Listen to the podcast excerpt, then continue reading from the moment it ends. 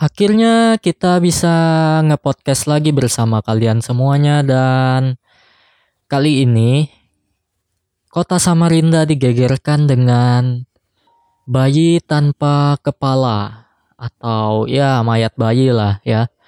Mayat bayi yang sebenarnya bayi tersebut diculik gitu ya.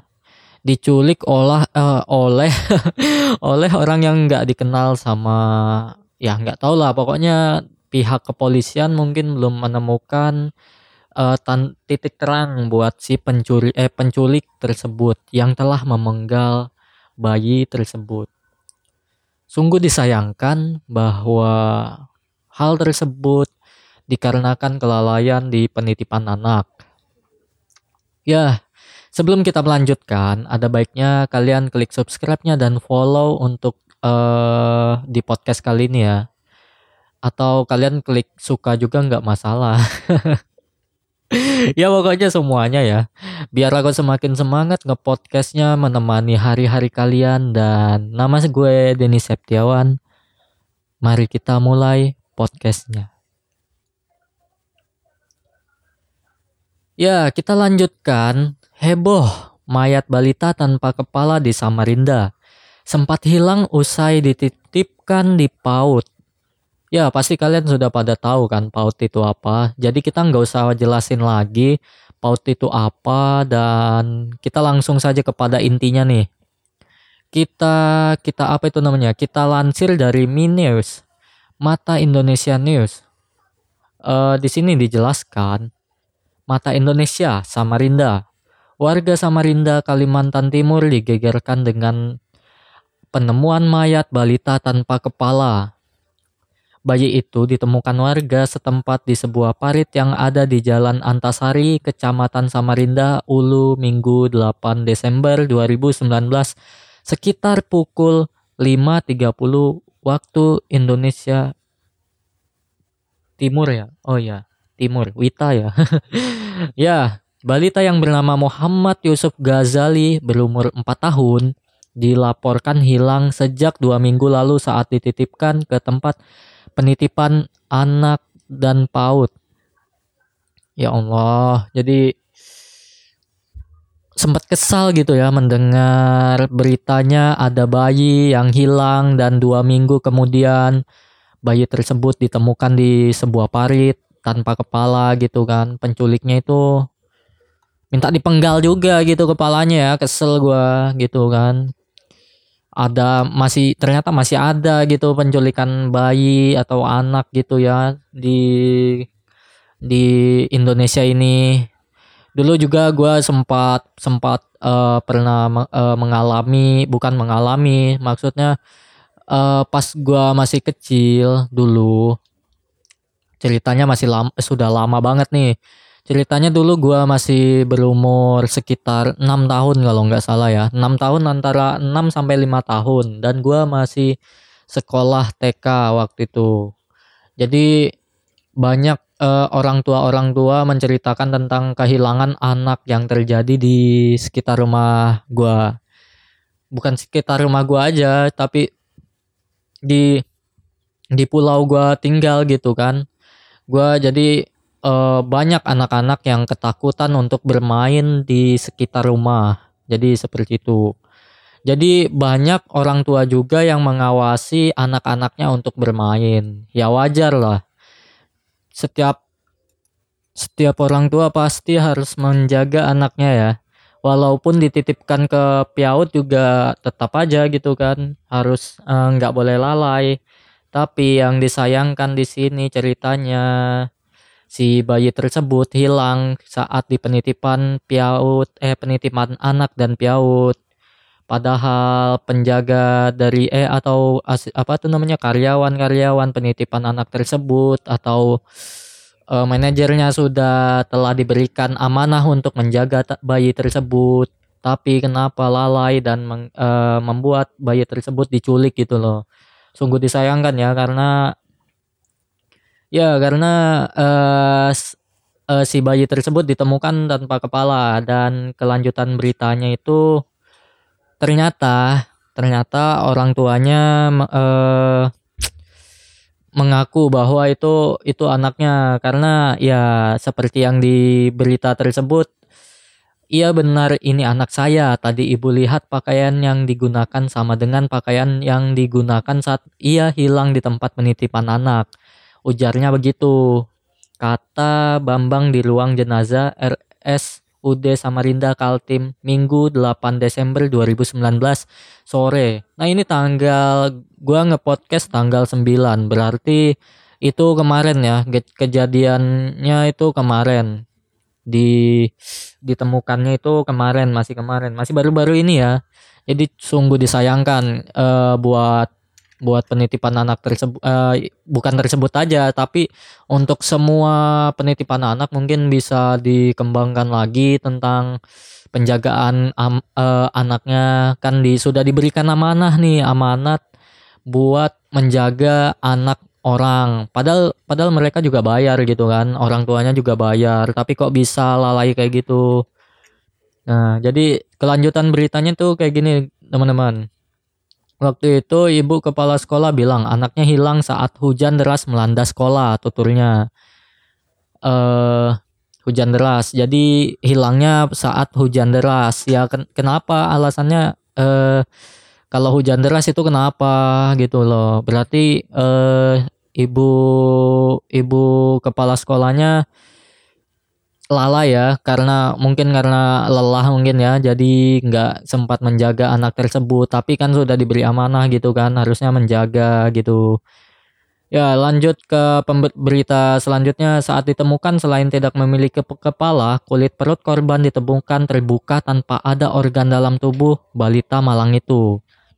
Ternyata si bayi tersebut tidak mempunyai kepala, lalu organnya juga diambil gitu ya, bukan hanya kepalanya yang hilang, ternyata uh, organ dalamnya juga dijual sama penculiknya, bikin gerah gua, eh bikin gerah, bikin geram gitu kan, rasanya pingin ditangkap aja itu malingnya, penculiknya dipenggal juga kepalanya, tapi uh, ya pokoknya jengkel lah.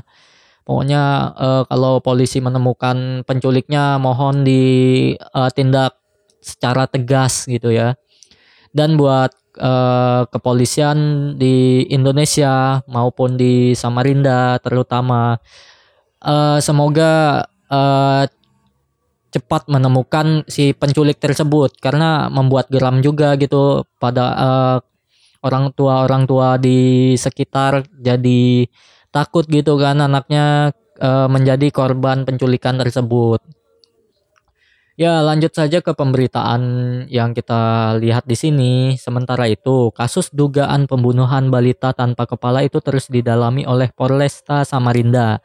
Nah, alhamdulillah nih, ternyata kepolisian sudah sudah mencari eh sudah mendalami eh, kasus pembunuhan tersebut, penculikan dan pembunuhan. Ya, semoga uh, kita doakan aja untuk kepolisian segera menemukan uh, penculiknya ya, penculik dan pembunuhan tersebut. Semoga gitu ya. Gua juga kesel gitu kan, eh, nggak uh, bisa bicara bicara bicara yang kayak biasanya gitu. Kurang semangat hari ini kan.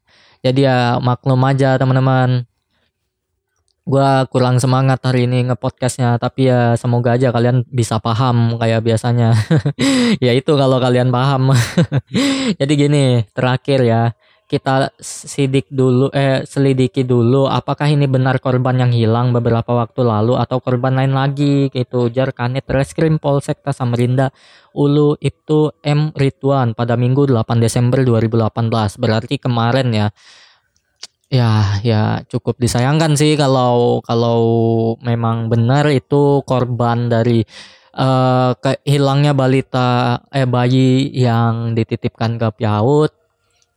Ya sungguh disayangkan gitu kan. Kasihan juga gitu sama orang tuanya, kasihan juga sama bayinya. Bayi bayi tak berdosa bisanya diculik lalu kepalanya dipenggal.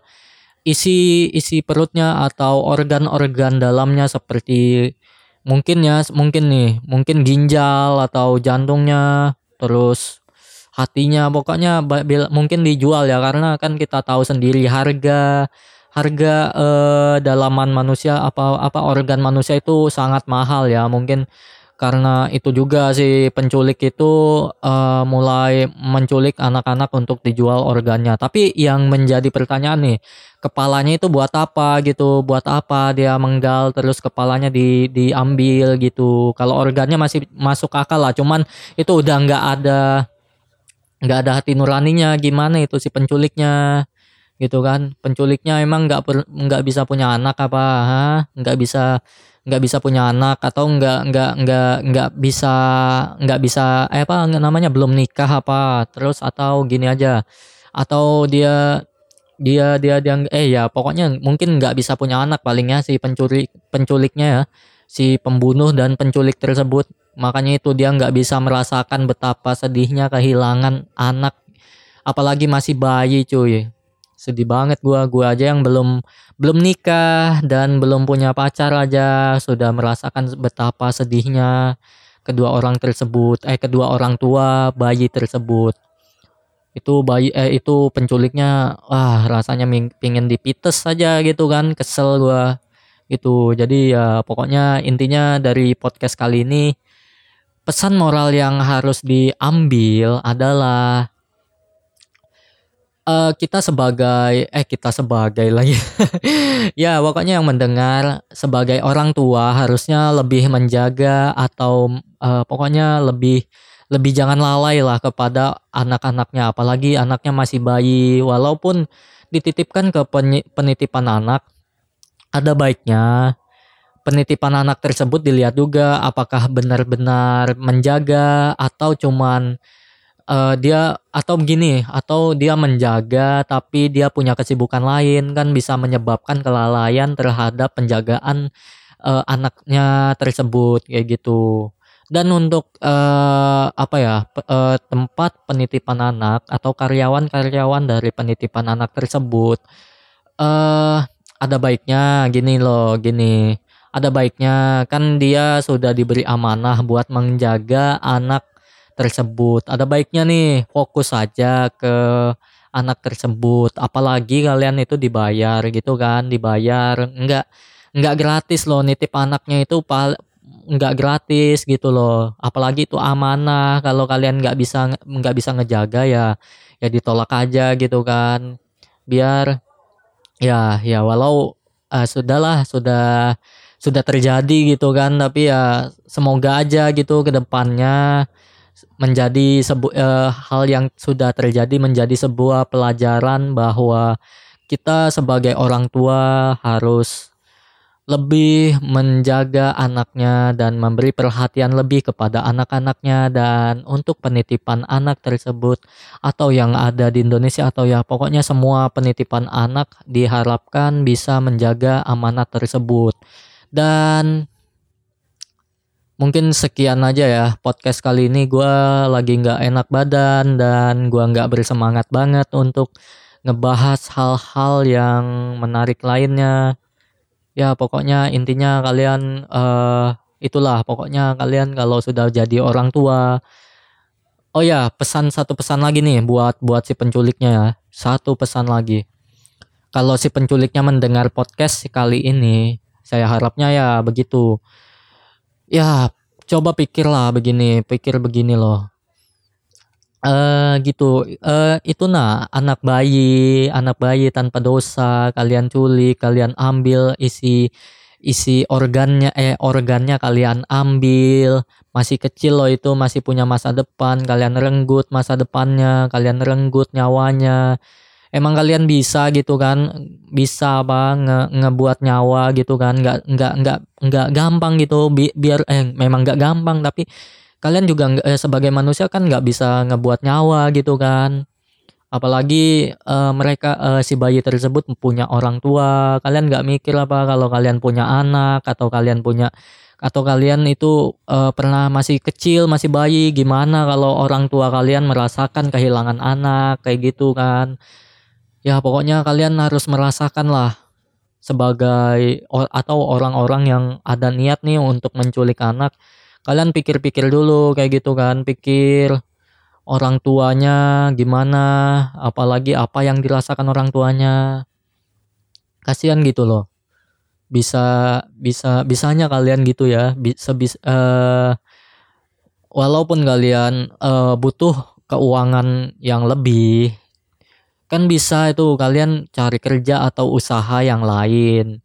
Ya walau memang sulit ya tapi tapi itu enggak enggak se se, se merugikan apa yang kalian lakukan dari penculikan ter, uh, bayi tersebut. Apalagi harus uh, ujung-ujungnya harus kalian tanggung sendiri akibatnya. Bukan hanya di dunia tapi di akhirat gitu loh. Sedih gua kalau kalian kalian bisa melakukan hal seperti itu. Aduh. Ya kita akhiri aja dulu ya podcast kali ini dan terima kasih buat teman-teman dan saya harap uh, permasalahan kali ini mempunyai titik terang dan men, uh, kepolisian setempat secepatnya memproses dan menemu, eh, menemukan penculiknya dan memproses lebih lanjut tindakan-tindakan yang telah dilakukan si penculik tersebut. Nama saya Denis Septiawan, kita akhiri podcast kali ini. Selamat malam.